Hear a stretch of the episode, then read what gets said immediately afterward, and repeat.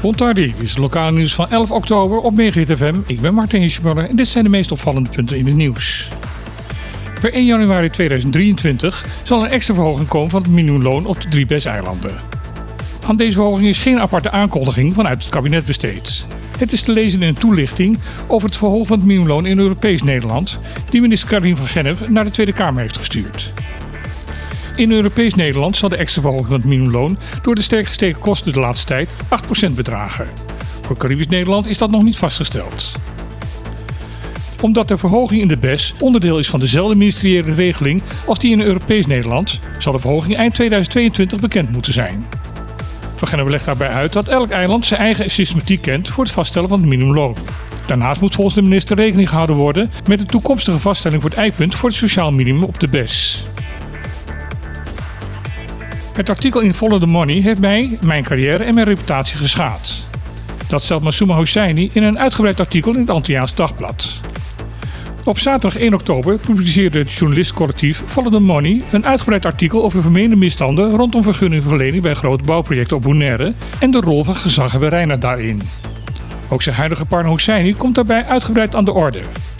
Follow the Money voert haar aan als voorbeeld van belangenverstrengeling aan de kant van de gezaghebber. In het artikel in de AD noemt Hosseini dit ongefundeerde beschuldigingen. Zij verwijt de journalisten van FTM dat zij de feiten makkelijk zelf hadden kunnen controleren, maar dit nagelaten hebben. Ook is volgens haar een reactie van haar kant niet in het artikel gebruikt. Verder zegt Hosseini dat er in het artikel veel onwaarheden staan. Ze geeft daar zeven voorbeelden van. Zo is volgens haar onjuist dat zij sinds 2019 een relatie met Reina heeft. Ze woonde toen nog in Europees Nederland en had volgens haar eigen zeggen nog nooit van de man gehoord. Ook ontkent ze dat ze betrokken is geweest bij de bouwaanvraag van Ocean Oasis en Chococo Beach. Voor Hussein heeft het artikel van FTM daarom niets met journalistiek te maken, maar was volgens haar vooral bedoeld om haar goede naam te beschadigen. De renovatiewerkzaamheden aan de Calle Grande vorderen gestaag.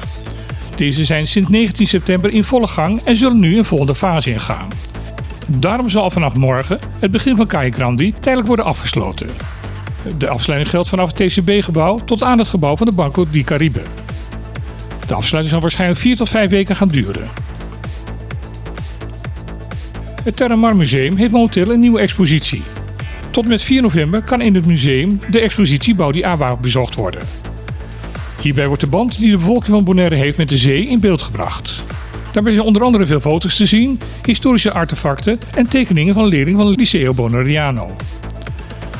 De openingstijden van het museum zijn te vinden op Facebook en op de website van Museum Terremar. Eerst leek het erop dat de bestvirus buitengesloten zou worden, maar op het laatste moment werd er bekendgemaakt dat ook op Bonaire de kinderen uit kwetsbare gezinnen kunnen profiteren van de actie om op school te kunnen ontbijten.